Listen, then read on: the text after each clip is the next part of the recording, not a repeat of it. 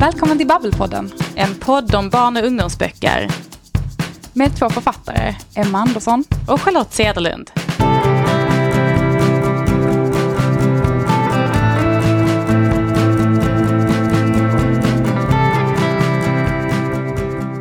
Emma, Mm. är du bra på sex? Vad menar du nu? Alltså, är du bra på att skriva om sex? Och kanske om sexualitet? Tyvärr nej.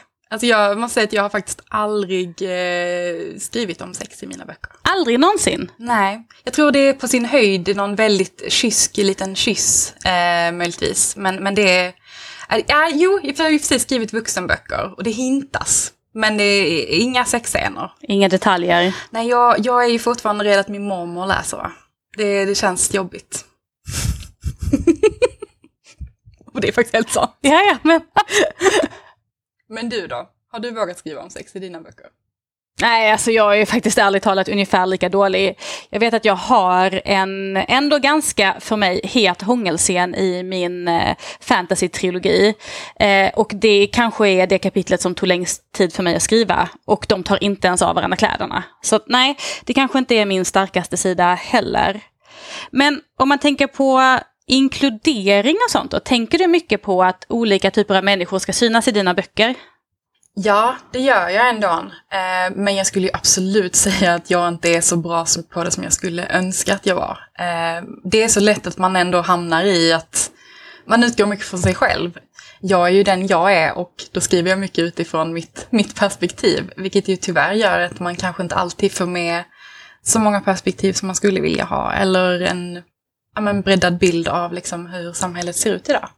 Jag känner igen det där. Jag, jag tänker att jag är ungefär likadan. Man, man vill gärna känna att man är inkluderande, men frågan är om man verkligen är så bra som man borde vara eller kan vara.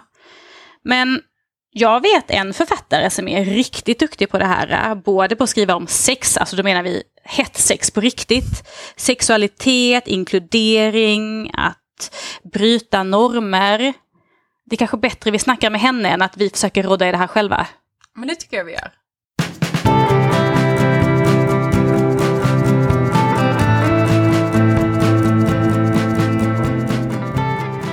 På hennes hemsida finns en lista på ingredienser som är typiska för just hennes böcker. Exempelvis att de utspelar sig i Uppsala, har många hbtq-karaktärer och att de innehåller mycket sex. Kan du gissa vem det är? Det här är en författare som jobbar heltid med sitt skrivande, både av böcker och film. Hon undervisar även på skrivarkurser och folkhögskolor och jag följer hennes Instagramkonto bland annat för hennes garderobfinnsfredagar och inspirerande bilder på tankekartor och utvecklingsbågar. Varmt välkommen Anna Ahlund. Tack så mycket, vilken fin presentation. Vi är jätteglada att du är här. Hur är det idag? Det är varmt, det är 30 grader i Uppsala, solen skiner lite för. Jag eh, gillar när det är 20 grader och moln, så det är inte riktigt mitt väder. Ah. Vi, vi kanske tycker om att sitta i skuggan, vi som läser. Ja men eller hur? Du, vi ska ju prata idag om eh, representation i barnböcker. Och när vi funderade på vem vi skulle ha med i den här frågan så kändes det som, ja men det kändes självklart att det skulle vara du. Du har ju skrivit flera böcker där just eh, sexualitet och könsidentitet är i fokus. Och eh, två av dina böcker har ju även blivit nominerade till bästa bok respektive årets bok på QX-galan.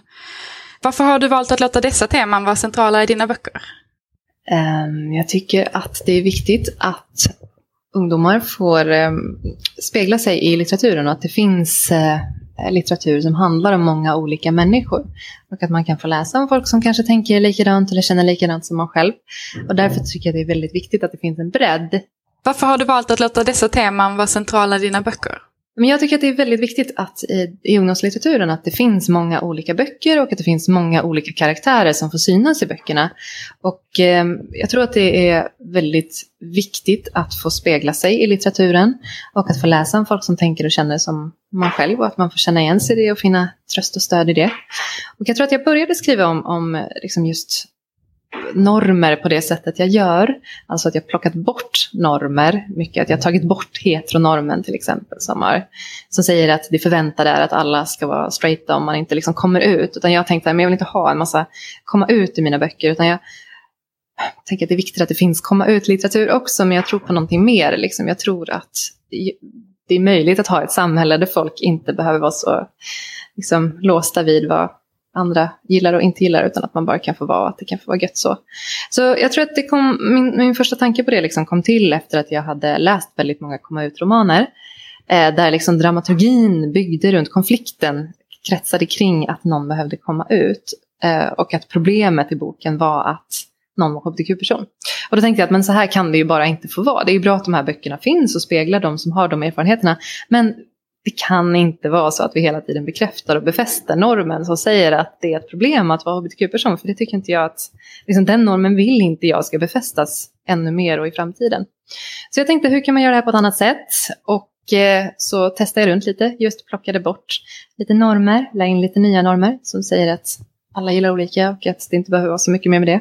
Utan konflikterna ligger runt andra saker och liksom andra liksom delar av relationen än just vad man gillar eller vem man har förmågan att bli förälskad i eller attraherad av. Det är liksom inte relevant på det sättet. Ja, det låter jättehärligt och det är ju verkligen det vi hoppas på att, att man ska kunna känna, hitta sig själv i böcker man läser. Men hur har dina böcker blivit bemötta av läsare och förlag?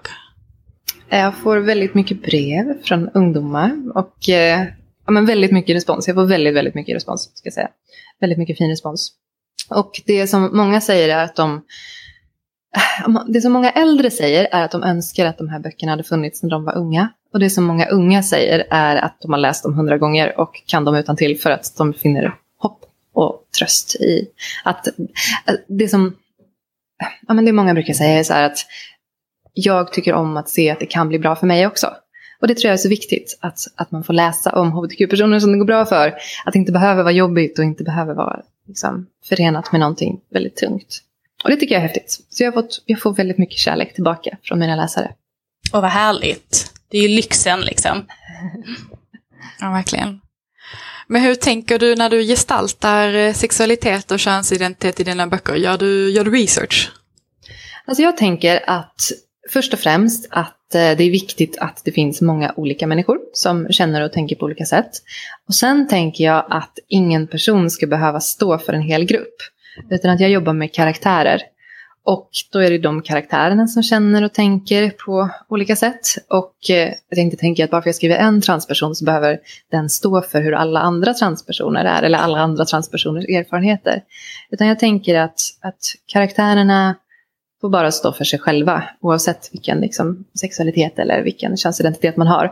Men sen så är det klart att jag, att jag pratar med folk som, som jag tänker kan ha gemensamma erfarenheter med, med dem om det liksom är erfarenheter som jag själv inte delar. Alltså många, alla mina karaktärer är ju jag på något sätt. Så jag tänker mina queera karaktärer bygger ju på att jag funderar jättemycket på kön. Alltså, det är ju, och liksom jag är bi, alla mina karaktärer är bi typ. Det är inte så, jag tycker inte att man behöver krångla till det så mycket och tänka att människor är så himla olika, för jag tror inte att det är så. Jag har läst ett par av dina böcker och nu senast så lyssnade jag på eh, några av de här i den lättlästa serien som jag tyckte var jätte, jättebra verkligen. Vad kul, Våga längta heter den. Ja men precis. Eh, och det jag verkligen kände då att jag är så här väldigt så här cis, eh, heteronorm, har en väldigt homogen umgängeskrets. Och jag känner liksom att för mig är dina böcker också en väldigt fin insikt i att det som kanske känns långt bort ifrån mig egentligen inte är så stor skillnad. Det är liksom kärlek, det är känslor, det är sex, sexuella känslor. Men vem man projicerar det på, om det är en kille, en tjej eller någon som inte identifierar sig som vare sig, det kanske inte spelar så himla stor roll. Och det är en insikt som kan vara svår för mig att få annars. Men jag tycker dina böcker hjälper mig med det. Mm, vad fint att höra. Tack för att du berättar. Det blir jag mig jätteglad. För jag, för jag tycker just att det, det, är ett mål jag har i skrivandet. Att visa att, att människor är inte så himla olika. Och just de här känslorna, oavsett vem man liksom har förmågan att bli attraherad av, så är ju liksom attraktionen väldigt lik tror jag. Eh, från människa till människa. Sen är det klart den kan få olika uttryck om man gillar olika saker. Men, men jag tänker att det viktiga, kärnan, tror jag är väldigt, väldigt likt. Och det, det vill jag oavsett vad man själv gillar som läsare så tror jag att det är väldigt fint och nyttigt att få en sån insikt av litteratur. Ja, verkligen. Ja, verkligen. Och jag tänker, eh, men jag funderat lite på just det här med mångfald kan ju vara lite, jag tänker om man inte har erfarenhet av det man skriver av så kan ju folk ibland bli lite avskräckta liksom. Man blir lite orolig för hur det ska uppfattas och kan jag skriva den här historien liksom. Eh, jag vet du Charlotte, du skrev ju om samer liksom.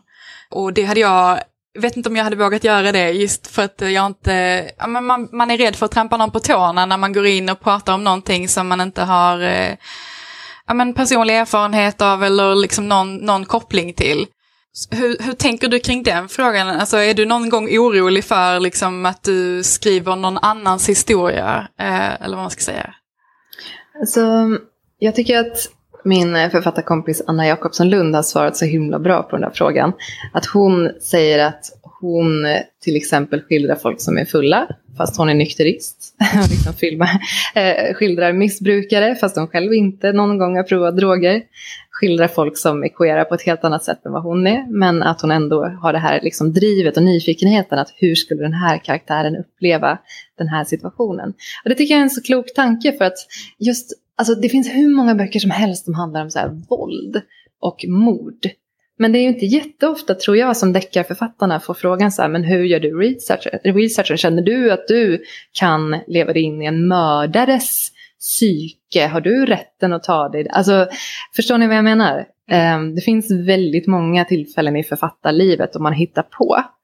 Och det är klart att man ska göra det med respekt för, för, för grupper man inte tillhör själv. Men jag tror att just det här som jag nämnde tidigare, att jag tror att det är viktigt att inte låsa sig vid att en grupp är homogen, utan att tänka även inom eh, menar, gruppen transpersoner eller gruppen heterosexuella så finns det väldigt stora skillnader och det är karaktärer vi skriver om och man får göra sitt jobb liksom som i alla andra sammanhang. Man får göra sin researchläxa och sen så försöker man berätta den historien på, på bästa sättet. Men jag tror det är jätteviktigt att liksom inte låsa sig vid det här att, att man inte får berätta en historia Ja, nej men jag, ty jag, jag tycker det, det, är en intressant fråga.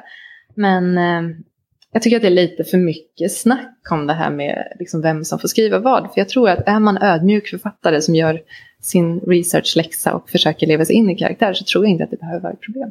Men det är min åsikt. Mm. Nej, men jag håller med. Jag håller med. Jag tänker att vi, det finns ju en anledning till att vi jobbar med fantasi, att man pratar om att ha ett empatiskt förhållningssätt. Jag tror vi är ute på en farlig väg om, man, om bara någon med egen erfarenhet ska kunna berätta de historierna, absolut. Jag tror att det handlar det... om perspektiv också. Att det kanske inte är det lättaste att berätta sin om just personer som är exakt som en själv heller, utan man kanske behöver den här utifrån blicken för att tillföra fler lager till en berättelse också. Så där tror jag det kan vara nyttigt också att, att just alla inte bara berättar om det, det exakt de har varit med om själva. Jag tror inte att det skulle bli riktigt lika intressant litteraturscen om det var så. Sen tycker jag det är viktigt att det finns mycket olika litteratur och att folk vågar berätta sina historier själva också såklart. Men eh, jag tycker inte att man kan liksom kräva av en författare att man ska ha upplevt allting man skriver om själv för då blir det väldigt smalt. Och väldigt få det, böcker tror jag. Det blir väldigt smalt. Och det blir också, jag känner igen mig i det du sa innan, det här om att det är, svårt, det är svårt att gräva där man står. Eh, jag vet när jag skrev mina böcker om eh, samisk mytologi så var alla så imponerade att jag skrev om någonting som låg så långt ifrån mig. Och sa att varför gräver inte du där du står? Det är det man ska Den göra. Den skånska millan. Ja, precis. Och det har jag gjort nu i min senaste roman. Och det var tusen gånger svårare. Därför att som du säger, man, man står för nära man står liksom och trampar i sin egen skit liksom och det är jäkligt svårt att sila den till något vettigt. Mm. Eh, så att, men håller med dig med, båda sorter behövs ju. Det är inte en garanti att det blir bättre för att man är mitt i det. Nej, och sen kan jag tänka att alla människor kanske inte är författare heller. Och då kan det ju vara så att de som liksom har en, en, en bra förmåga att berätta en historia kanske ändå berättar en historia på ett sätt som berör mer än om man just berättar något som man själv har varit med om tänker jag. Men jag tycker som sagt det är jätteintressant och jag tycker att det är roligt att, att folk skriver och berättar oavsett. Men, eh, men jag tycker det blir farligt om man säger att man inte får berätta om någonting för att man inte varit med om det själv. Och jag tycker då kan vi bara stryka hela deckargenren och hela litteraturen. Så här, för ingen har varit med om det här, mm. eller det kanske de har, men jag hoppas inte. liksom, ja. Jag tycker det är viktigt att hålla den diskussionen lite nyanserad. Men du har ju skrivit både fullängdsromaner och lättlästa böcker på det här temat. Varför är det viktigt att göra båda? Jag tycker att det är viktigt att alla som um, vill läsa ska kunna göra det, även om man inte kanske tycker att det är så lätt. Och där tycker jag lättlästa litteraturen är väldigt häftig, för att den kan ju bli tillgänglig på ett sätt för läsare som jag kanske inte skulle nå annars och som, som jag är väldigt glad åt att de hittar mina böcker också, för jag tänker att de kanske behöver dem. Eh, sen tycker jag alltså för mig som författare är det väldigt häftigt att skriva lättläst också, för att det är så nerkokat. Så att det, det blir väldigt tydligt till exempel hur dramaturgin ser ut. Jag tycker om att jobba med dramaturgi. En lättläst bok är väldigt avskalad, så det är liksom en ganska ren eh, liksom, båge om man säger. Och det är ganska bra att påminna mig om att ja, men det är det här som är grunden, det är det här som är det viktiga. Och sen så i en roman kan man ju ha tusen sidospår och sådär. Men, men, men det är kul att göra båda. Jag tror att det är bra med den dynamiken just för, för skrivandet överlag. Liksom. Ja, jag måste ju säga att jag som har läst både dina långa och kortare böcker så är det att du gör det väldigt bra. Och det som du framför allt gör bra tycker jag, det är att skriva sexscener. Eh, och jag känner alltid mig otroligt imponerad av författare som kan göra det. För jag har väldigt svårt för det själv. Trots att jag inte anser mig vara en pryd person på något sätt så är jag svårt att få ner det på pränt på ett sätt som är sexigt och ändå läsvärt. Hur tänker du när du skriver sexscener? Jag tänker, alltså rent tekniskt tänker jag att jag ska varva det som händer med hur det känns i kroppen. Alltså om man säger på huden, hur det känns liksom en väldigt fysisk förnimmelse. Och hur det känns i kroppen med den liksom psykiska eller emotionella förnimmelsen. Eh, så att det inte bara blir så att folk rör sig hit och dit, hit och dit. För då tror jag man missar känslan. Eh, utan att jag tänker att jag ska varva liksom både vad som händer och hur de rör sig med hur det faktiskt känns både inuti och utanpå. Eh, för jag tror att sexscener, nyckeln till en bra sexscen tror jag, är att man låter den ta plats. så tänker jag i alla fall som har så tio sidor till varje, varje sexscen. För jag tror att läsaren först kan säga så här, oj nu blir det sex, och så hoppar man till lite och så är man kanske lite, eh, rodnar lite i början och sådär. Det tar en liten stund innan man kommer in i det. Och sen så läser man och så läser man och så läser man. Och då hinner man ju själv som läsare känslomässigt komma in i vad karaktärerna känner och hur de upplever det. sådär. Så jag tror, att, jag tror jättemycket på att man inte går för fort fram. För låter man det ta tid då hinner man låta läsaren landa och hänga med i vad som händer. Jag tror att det är då man känner någonting som läsare. Oavsett då om man vill att ja, men det ska vara bra känslor eller att det ska kännas jobbigt liksom, för läsaren. Um, så, så mitt sextips är liksom att, att det inte ska gå för fort fram utan att man vågar stanna i stunden. Uh, och att det inte bara blir så att den rör handen dit, den rör handen dit, och så där, utan att man verkligen stannar upp och tänker så här, men hur, hur upplever personerna det här? Vilka känslor väcker det? Och jag tänker sex handlar så mycket om så här, makt och liksom relation, dynamiken i en relation. Och där tycker jag man kan jobba så mycket med så mycket roliga, roliga saker, liksom säger så mycket om de här personerna. Jag tycker att man inte bara ska tänka att en sexscen fyller en funktion för att de ska ha sex, att det ska ligga där, liksom, utan att, eller de ska ligga där, utan att det blir liksom någonting som säger någonting om den känslomässiga delen av relationen också. Jag tror att jag började skriva mycket sex för att jag, jag tyckte det var så intressant att många kärlekshistorier där liksom, speciellt i unga vuxna böcker där det står att de har sex. Där det är liksom bortklippt. Att det mm. står så här, men den kvällen hade vi sex med varandra första gången. Så är det där, punkt. Nästa dag vaknade vi och bla bla bla. Sådär liksom. Och då tänkte jag, men vad är det som är så farligt att författaren inte vågar skriva ut det här när det är så mycket andra känslor som skildras i den här relationen. Um, och då tänker jag att författare kanske tror att läsare ska tro att man skriver om sig själv. Eh, och liksom så här, så här har jag sex. Att, att de är rädda för att någon ska tänka så. Liksom. Men då tänker jag om man skriver liksom tillräckligt mycket sex, så mycket olika sorters sex, då kommer ingen liksom tro att det handlar om mig för det är för mycket. Liksom. det är lite min lösning. Att, att, att eh, försöka ta sig ifrån känslan av att det där privata liksom. För, för jag tror att det är jätteviktigt att det finns sex att läsa. Eh, och att man kan liksom ja, men, se hur det kan se ut på olika sätt och att det kan bli en nyanserad bild som innehåller känslor. Jag tänker om man tänker skillnaden mot liksom, porren där det är liksom så en bild av någons fantasi av hur sex ser ut. Mm. Det är någon annan som har försökt reproducera vad de tror att folk ska gå igång på. Liksom. Jag tänker sex i litteratur, den typen av litteratur jag skriver i alla fall, det är ju mer, handlar mer om känslor och liksom relationer. Och jag tror att det är väldigt, väldigt bra, speciellt som ungdom, att få möjlighet att ta del av en sån tankegång och liksom vara med i någon annans tanke eh, runt en sexuell situation. Sen är det så bra med böcker, gillar man inte då kan man ta en annan bok eller så kan man bläddra förbi de här mm. tio sidorna om man inte orkar. Men jag tror att det är viktigt att det finns. Och där känner jag ett ansvar, att vi som tycker att det är kul och viktigt, att vi har ett ansvar att göra det. Så därför är det jättemycket sex i alla mina böcker. Eh, jag tror du har helt rätt. Alltså jag tänker att eh, ungdomar kan ändå få information om sex på andra håll som kanske inte är riktigt lika genomtänkta som en sexscen i en ungdomsbok. Så att liksom få den här äh, två personer, samtycke, som du säger, det är känslor inblandat. Hur ska man känna? Hur känns det att vilja ha sex? Det är ju sånt man inte kan beskriva knappt i en bild. Utan det är liksom texten som gör att man kan förstå det. Så jag tycker det är jätteviktigt. Sen vet jag fortfarande inte om jag kommer klara av att skriva det själv. Kanske överlåter det till dig Anna. Men jag tänker att du skriver så här fantasy, du kan skriva sånt, det kan inte jag. Jag tänker att vi alla är bra på olika saker. Liksom. Ja, tur det. Men, men sen tycker jag också att det är lätt att säga så här, ja men det är viktigt med samtycke och det är viktigt att det känns bra. Men så här, vad betyder det i verkligheten? Mm. Och där tänker jag att litteraturen har en så viktig roll, att man faktiskt kan beskriva en förvisso påhittad verklighet, men ändå att man kan visa en verklighet. Så här skulle det kunna se ut. De här problemen kan finnas, även om man själv tycker att det är viktigt med samtycke så kan man komma i situationer där det är jobbigt att säga nej eller där man inte riktigt vet vad man vill. Och just det där, de här gråzonerna tycker jag är så himla spännande att utforska. Ja, verkligen.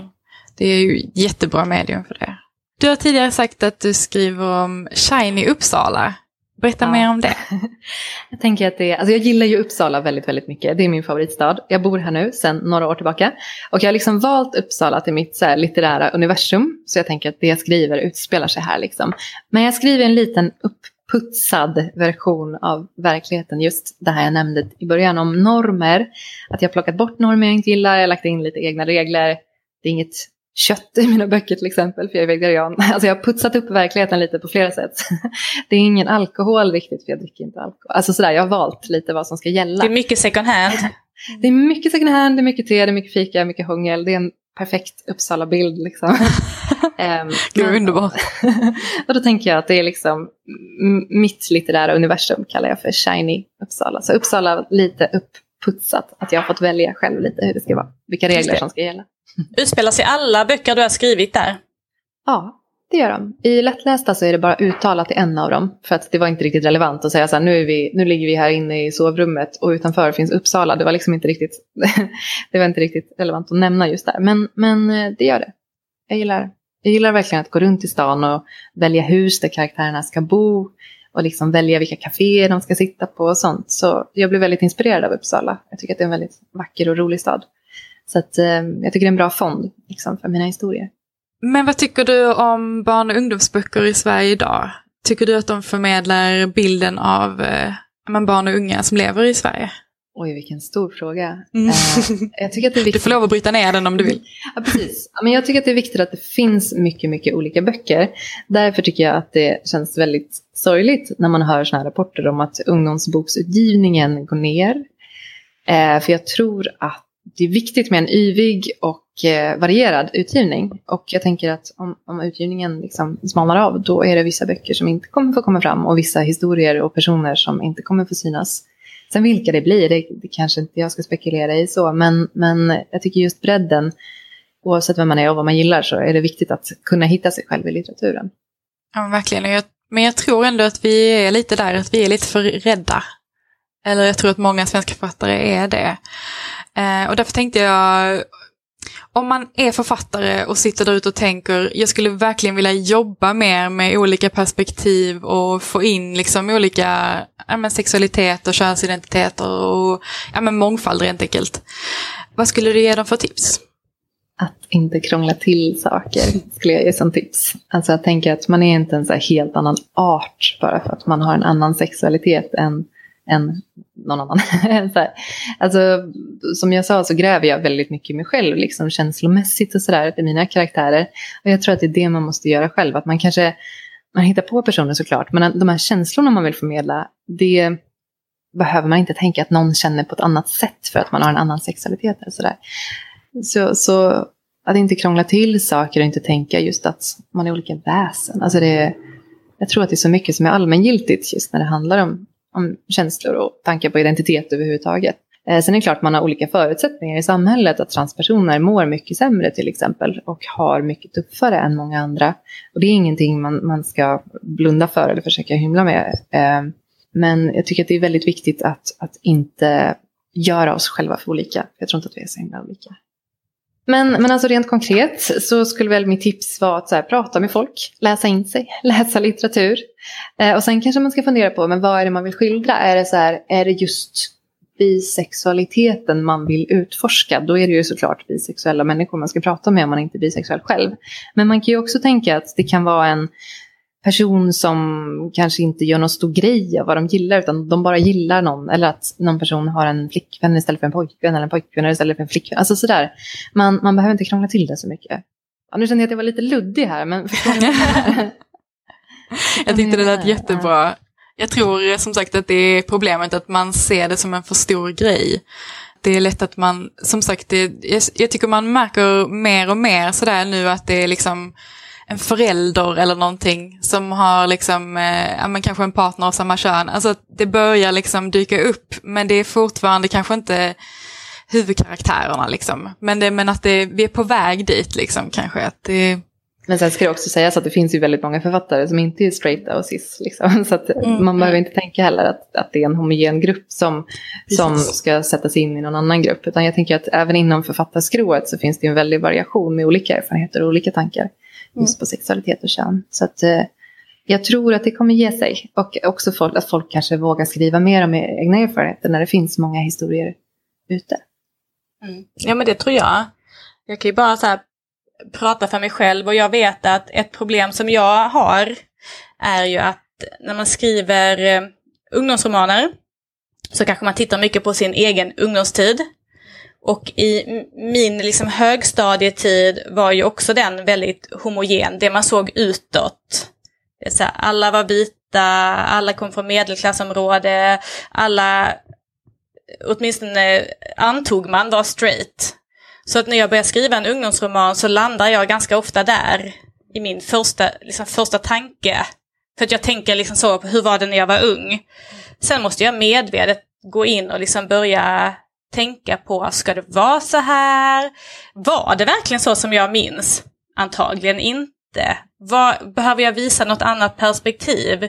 Så att man inte heller bara utgår från en egen erfarenhet och sen inte kan se utanför den. För antagligen var inte ens min egen erfarenhet så otroligt homogen som den är i mitt minne det är väl jätteklokt att tänka så. Och just som du sa, att man, att man lyfter blicken lite och tittar, men vad, vad är det jag har skrivit här? Hur kan jag ändra det här så att det känns mer inkluderande för fler? Det tycker jag är en jätteviktig del av skrivandet. Att fundera på just vad är det för värde jag skriver fram och hur kan jag liksom ändra den på olika sätt så fler mår bra av att läsa. Och då är det ju verkligen superdrömmigt att ha skapat en, eh, ett eget Uppsala där, där liksom eh, allting är så fint som vi önskar att det var överallt. Verkligen, men sen finns det ju problem där också. Men jag tänker att just så här, till exempel hbtq-skapet behöver inte vara ett problem. Jag tänker det är så här jobbigt att vara ihop med folk ändå, eller jobbigt att vara kär och sådär. Då tänker jag att konflikterna kan få ligga i det. Men att, att man liksom får styra vissa saker så att det är lite, lite godare förutsättningar för folk att, att finnas. ja men exakt. Men Anna, hur ser framtiden ut nu då? Framtiden är ljus och eh, rolig tänker jag. Jag håller på och skriver en ny roman för unga vuxna som handlar om relationer och eh, sex och eh, kärlek och vänskap och lite andra sådana goa grejer. Jag håller även på med ett bilderboksprojekt där jag gör både text och bild själv. Och det är nytt för mig, så det känns väldigt spännande. Det är även nytt för mig att skriva för barn. Det känns också väldigt kul att lära mig mer. Den handlar om ett konditori på 60-talet. Det är mycket bullar och kakor och eh, bakelser och snygga kläder. Det är typ allt jag gillar i samma projekt typ. Eh, det kommer även finnas hbtq-inslag lite senare i den här serien som jag hoppas att det ska bli. Vi får se hur det går. Men det finns en kärlekshistoria som jag har tänkt ut och eh, jag hoppas att den får se dagens ljus i bokform. Stay tuned. Ja, men vi ser verkligen fram emot att få följa dem. Men då eh, vill vi tacka dig Anna jättemycket för att du har kommit hit idag och för att vi har fått prata med dig om det här spännande ämnet. Tack för att jag fick vara med, det var jätteroligt.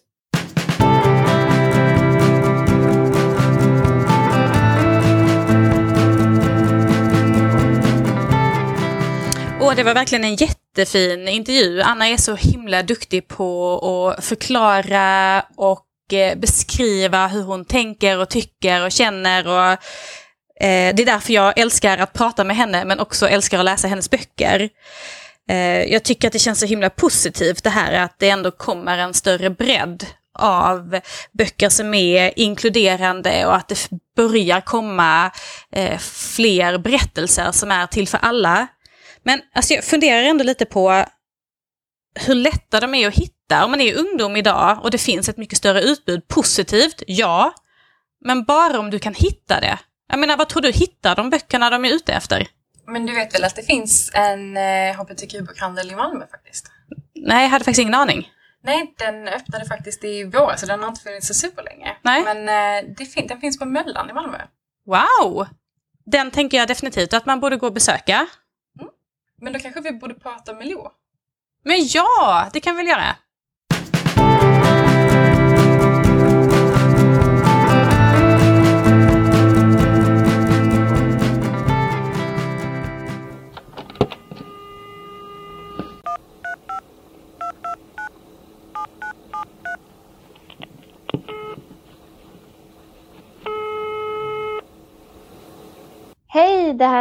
Mattei som är ordförande för Page 28.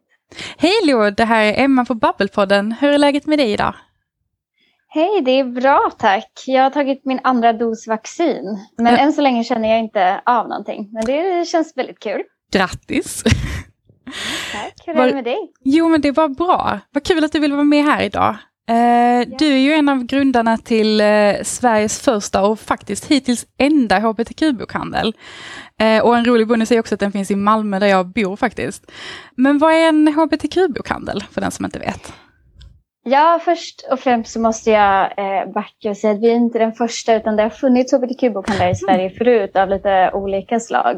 Eh, med bredare fokus kanske eh, än bara hbtq. Men jag har blivit knäppt på näsan. För det, för, för att, vi brukar säga att vi är den enda just nu. För Mm. så, alltså, så vitt jag vet så är vi den enda nu. Men en hbtq-bokhandel kan ju vara liksom, utformad på olika sätt. Men för oss så handlar det om att samla hbtq-litteratur eh, på samma plats och att sätta det i fokus. Och hbtq-litteratur är också väldigt brett och kan betyda olika saker. Men våran liksom, eh, definition som vi har använt när vi har valt ut böcker är att de ska handla om eh, hbtq-personer eller vara skrivna av hbtq-personer. Så att det är mer eller mindre tydliga hbtq-teman. Men på något sätt ska det liksom finnas med, eh, tanken. Varför skulle du säga att det behövs en bokhandel med queer-litteratur som är liksom nischad för det idag?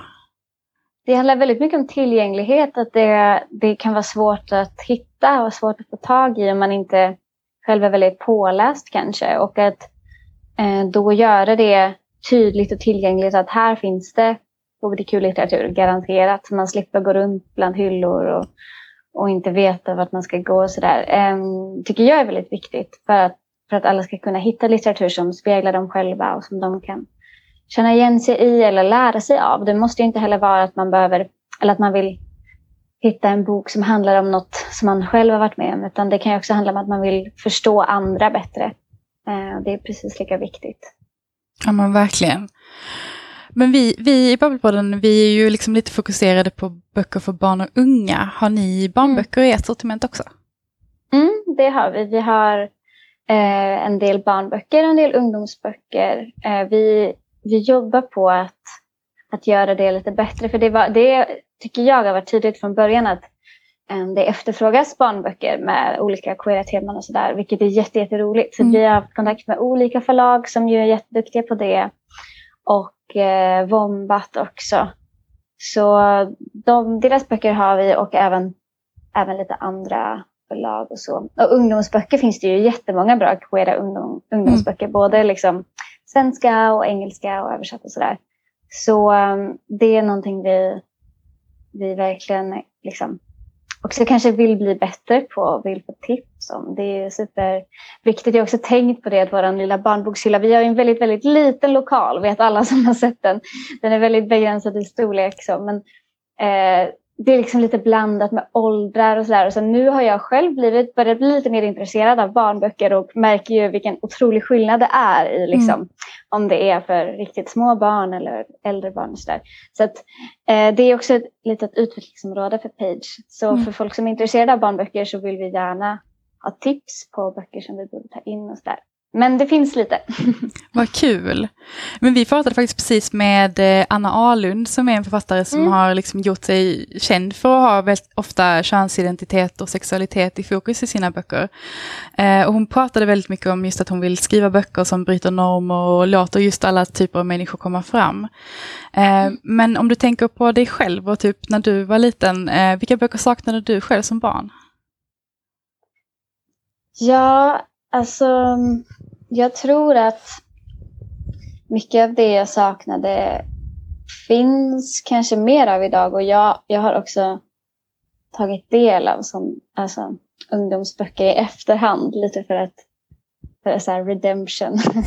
Men eh, en bok som var väldigt, väldigt viktig för mig var Det händer nu av Sofia Nordin som ju är mm. en berättelse om en, om en karaktär som upptäcker att hon är lesbisk och sen har de en, så är det som en lesbisk kärlekshistoria. Men och jag vet inte hur gamla de är. Jag tror att det är så högstadie kanske, något sånt. Och jag, jag var nog så 12 eller 11 när jag läste den. Inte hundra på ålder och sådär. Men, men den var väldigt viktig för mig för att det var så här, just det, så här kan en kärlekshistoria se ut. Och för mig som lesbisk så var det jätteviktigt att läsa. Mm. Men också ungdomsböcker där, där liksom det finns karaktärer som är queera utan att det är en stor grej tror jag också är jätteviktigt. Mm. Att det bara är en karaktär som, som är trans eller som är liksom homo utan att det är deras hela historia. Eh, att hela historien handlar om något annat. Men den identiteten finns med och den är synlig. Eh, men det är inte den som står 100% i fokus. Det tror jag också är viktigt. Mm.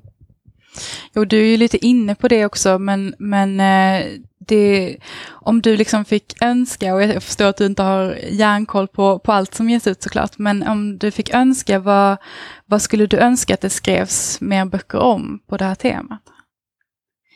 Alltså, jag, jag har börjat, som jag sa tidigare, att intressera mig lite för barnböcker, men jag tycker det är så himla svårt att läsa barnböcker när de är fula för mig är liksom illustrationerna så extremt viktiga att även om det är kanske så här eh, två, jag vet inte, två pappor i en berättelse som är jättefin så kan jag inte ta till mig den om det är fula bilder.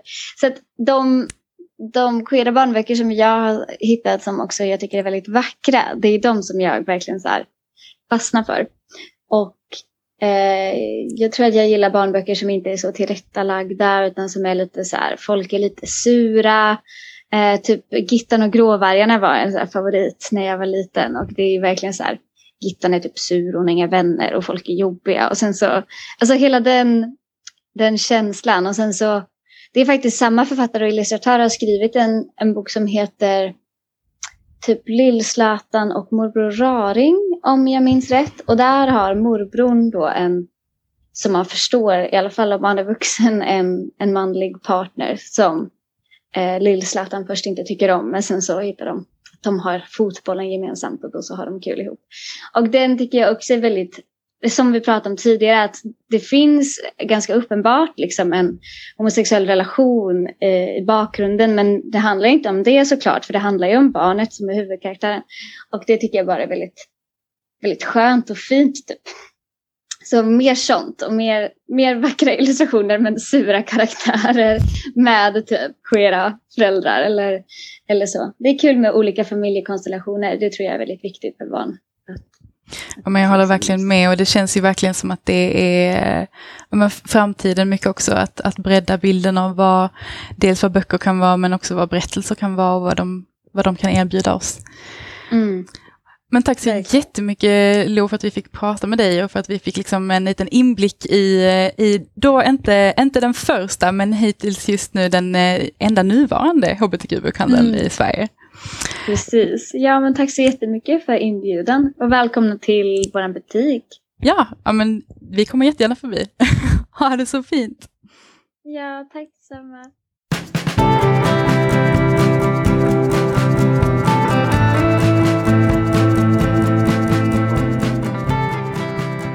Nu blir det boktips!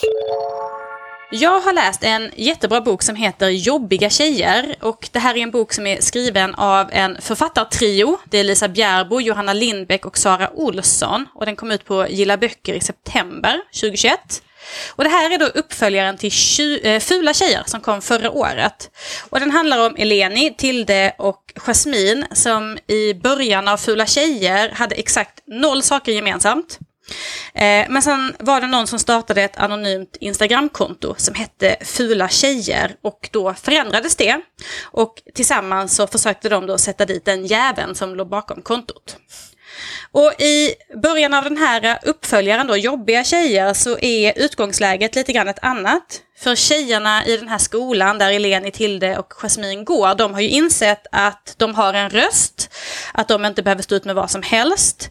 Och det gör de ju lite jobbiga i killarnas ögon. Och så plötsligt eh, brinner skolans gympasal ner och en ryktesspridning drar igång. Är branden anlagd? Vem är det som har anlagt den i så fall? Det är ett mysterium. Och mysterium, det har ju Tilde, Eleni och Jasmin lärt sig att det är de ganska bra på att lösa. Så de bestämmer sig då återigen för att ta reda på sanningen. Och jag måste säga att jag har läst de här två böckerna på raken, Fula tjejer och jobbiga tjejer, och jag tycker de är otroligt bra. Det är väldigt lättläst och jag menar det verkligen i ordets, ordets mest positiva bemärkelse. Det går snabbt att läsa. Jag tror jag plöjde fula tjejer på bara några dagar. Det är liksom ett rappt språk, det är roligt, det är mycket humor, det är väldigt mycket feminism. Eh, det är liksom så att ni vet, man sitter och läser och plötsligt ropar man yes och fan vad bra och så höjer man liksom näven i luften. Och det är bara så underbart att få läsa en sån här bok tycker jag. Och jag tycker det märks att det är ju verkligen tre av eh, Sveriges kanske bästa ungdomsboksförfattare som har skrivit den här, de här böckerna. För det är liksom en super, super hög nivå. Eh, så jag kan verkligen tipsa om de här böckerna eh, till alla. Eh, jobbiga tjejer, minst lika bra som eh, succén Fula tjejer. Och jag ser jättemycket fram emot del tre i den här serien som kommer nästa år tror jag. Och den kommer heta då Svaga tjejer. Så läsning är definitivt ser fram emot. Vad har du hittat på Emma? Har du, vad har du läst?